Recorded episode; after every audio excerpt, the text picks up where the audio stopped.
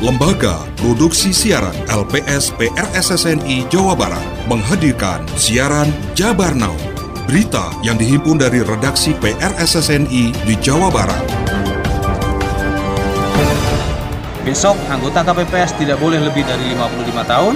Bagian setirnya kemudian langsung membawa kabur uang yang ada di dalam kendaraan tersebut. Saya nggak ragu-ragu untuk menindak kelompok-kelompok ini dengan tegas dan terukur. Jabar Now hari ini menyajikan sejumlah informasi. Di antaranya, Polres Subang menangkap tiga pelaku pencurian mobil pengisi ATM senilai 4,8 miliar. Dua ruang kelas dan ruang guru SD 5 Sanding Taman jebol diterjang longsor. Angka perceraian di kota Sukabumi meningkat. Bersama saya, Endrias Mediawati, inilah Jabar Now selengkapnya. Mengantisipasi terulangnya kejadian pemilu 2019 di mana banyak petugas ad hoc pemilu gugur saat bertugas, KPU menerbitkan aturan pelaksanaan pemilu. Aturan itu membatasi usia petugas PPS maksimal 55 tahun. Selain itu, KPU akan melakukan pemeriksaan kesehatan petugas secara berkala. Laporan bersama PR SSNI Korwil Bogor. Ketua Divisi Teknis Komisi Pemilihan Umum Idam Holik mengatakan sudah menyiapkan sejumlah antisipasi agar situasi serupa tidak terulang dalam pelaksanaan pemilu 2024. Ia menjelaskan KPU sudah mitigasi hal tersebut dengan menerbitkan batasan usia penyelenggara ad hoc khususnya di tingkat PPS dengan usia 17 sampai 55 tahun. Sebelumnya pada pelaksanaan pemilu 2019 lalu KPU belum membatasi usia maksimal calon petugas PPS. Hal itu menjadi salah satu faktor kematian ratusan petugas KPPS. Di 2019 tidak ada pembatasan usia maksimal, sekarang sudah ada yaitu 55 tahun. Besok anggota KPPS tidak boleh lebih dari 55 tahun. Pembatasan usia maksimal 55 tahun ini juga hasil kajian dan koordinasi kami dengan semua pihak ya, karena kita pastikan tidak ada lagi jatuh korban dalam proses pemungutan dan penghitungan suara yang kita ketahui memang pekerjaan ini menuntut konsentrasi yang ekstra. Selain itu, KPU juga bakal melakukan pemeriksaan kesehatan calon petugas PPS secara berkala. Dalam hal ini, pihaknya akan berkoordinasi dengan pemerintah daerah agar pemeriksaan kesehatan petugas PPS dapat difasilitasi.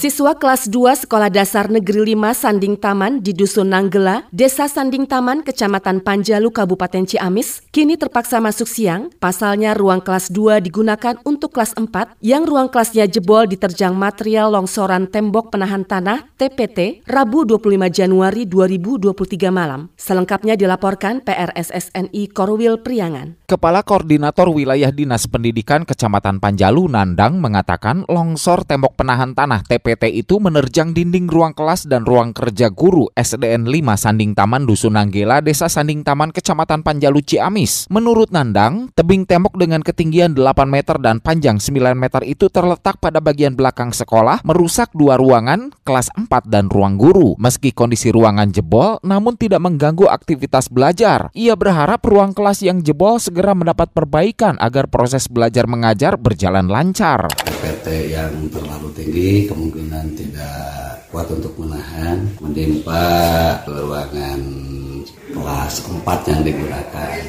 Tapi dalam pelaksanaan ini alhamdulillah saya sudah koordinasi dengan dinas BPPD asesmen tinggal menunggu kita kemungkinan untuk pelaksanaan kegiatannya Sepanjang 2022, Pengadilan Agama Kota Sukabumi mencatat terdapat ratusan perkara perceraian yang masuk dengan dominasi penyebab kasus perselingkuhan. Berikut disampaikan PR SSNI Korwil Sukabumi. Panitra Pengadilan Agama Kota Sukabumi Agus Wahyu Abikusna menyebutkan faktor urusan ekonomi dan perselingkuhan mendominasi penyebab perkara perceraian yang masuk. Selain itu, faktor kekerasan dalam rumah tangga juga menjadi salah satu penyebab utama dalam perkara perceraian sepanjang tahun tahun 2022. 2021 1029 perkara untuk 2022 ini ada peningkatan sekitar 1, atau 2 persen 1065 perkara perkara yang diajukan ini selain dari perceraian dan juga masalah waris, hadonah, isbat nikah dan perkara-perkara yang ditangani oleh pengadilan agama itu khusus buat yang beragama Islam. Terima kasih Anda masih mendengarkan Jabar Now yang disiarkan serentak di radio anggota PRSSNI se-Jawa Barat. Saudara, PRSSNI Korwil Bandung melaporkan untuk menekan angka kriminalitas dan gangguan Kamtipmas akibat aksi berandalan bermotor, polisi meningkatkan patroli malam ke sejumlah titik rawan tindak kejahatan di kota Cimahi dan Kabupaten Bandung Barat guna menekan angka kriminalitas dan gangguan kamtibmas yang disebabkan oleh aksi berandalan bermotor yang akhir-akhir ini kerap berbuat onar dan meresahkan masyarakat, Polres Cimahi meningkatkan patroli malam ke sejumlah tempat yang menjadi titik rawan tindak kejahatan di kota Cimahi dan Kabupaten Bandung Barat. Kapolres Cimahi, Ajun Komisaris Besar Polisi Aldi Subartono mengatakan, ia akan melakukan tindakan tegas, terukur, dan berkeadilan jika ada gerombolan bermotor atau geng motor yang mengganggu ketertiban di wilayah hukum Polres Cimahi. Saya pastikan saya akan tidak tegas dan saya nggak ragu-ragu untuk menindak kelompok-kelompok ini dengan tegas dan terukur kepada semua premanisme, kejahatan jalanan, termasuk geng motor yang mengganggu Kamtipmas, Wargi Cimahi, dan Bandung Barat.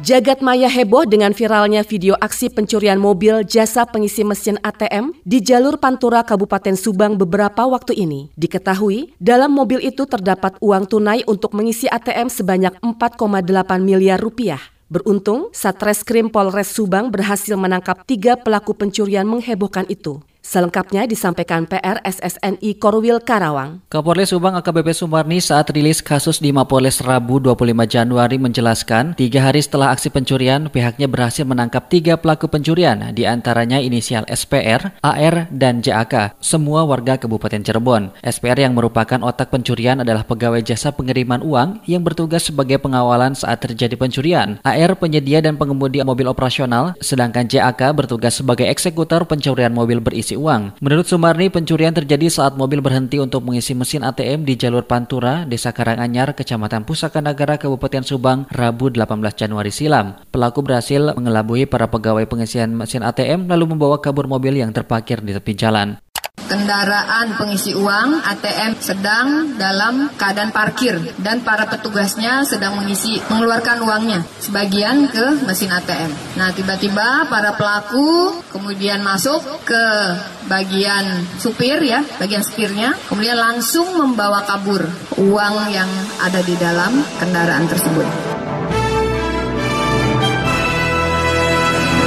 Polres Kuningan akhirnya membongkar kasus investasi bodong dengan modus usaha catering. Tercatat total kerugian mencapai 3,1 miliar rupiah dari 23 korban di Kabupaten Kuningan. Pelaku merupakan seorang ibu rumah tangga berinisial AA 39 tahun, warga di wilayah Dharma Kabupaten Kuningan. Pelaku dijerat pasal 378 dan pasal 372 KUHP dengan ancaman 4 tahun penjara. Berikut PRSSNI Korwil Cirebon sampaikan informasinya. Kapolres Kuningan, AKBP Dani Aryanda didampingi Kasat Reskrim AKP M. Hafid Firmansyah mengatakan, jika kasus investasi bodong berawal dari laporan sejumlah warga kepada petugas. Akhirnya, petugas melakukan penyelidikan dengan memeriksa para saksi maupun korban. Sejak bulan Agustus 2022, dengan alasan menawarkan usaha catering yang dijalankan oleh tersangka kepada para korban. Awalnya yaitu meminta modal awal dengan alasan untuk menjalankan usahanya tersebut. Pelaku meyakinkan akan ada orderan besar dari acara hajatan dan nantinya para korban ini akan dijanjikan keuntungan yang bervariasi atau macam-macam. Sejauh ini, pihak kepolisian menyebut belum ada pelaku lain yang terlibat dalam aksi investasi bodong, sehingga baru satu pelaku yang kini sudah diamankan di Mapolres Kuningan. Terima kasih. Anda telah menyimak siaran berita Jabar Now yang diproduksi oleh Lembaga Produksi Siaran LPS PRSSNI Jawa Barat.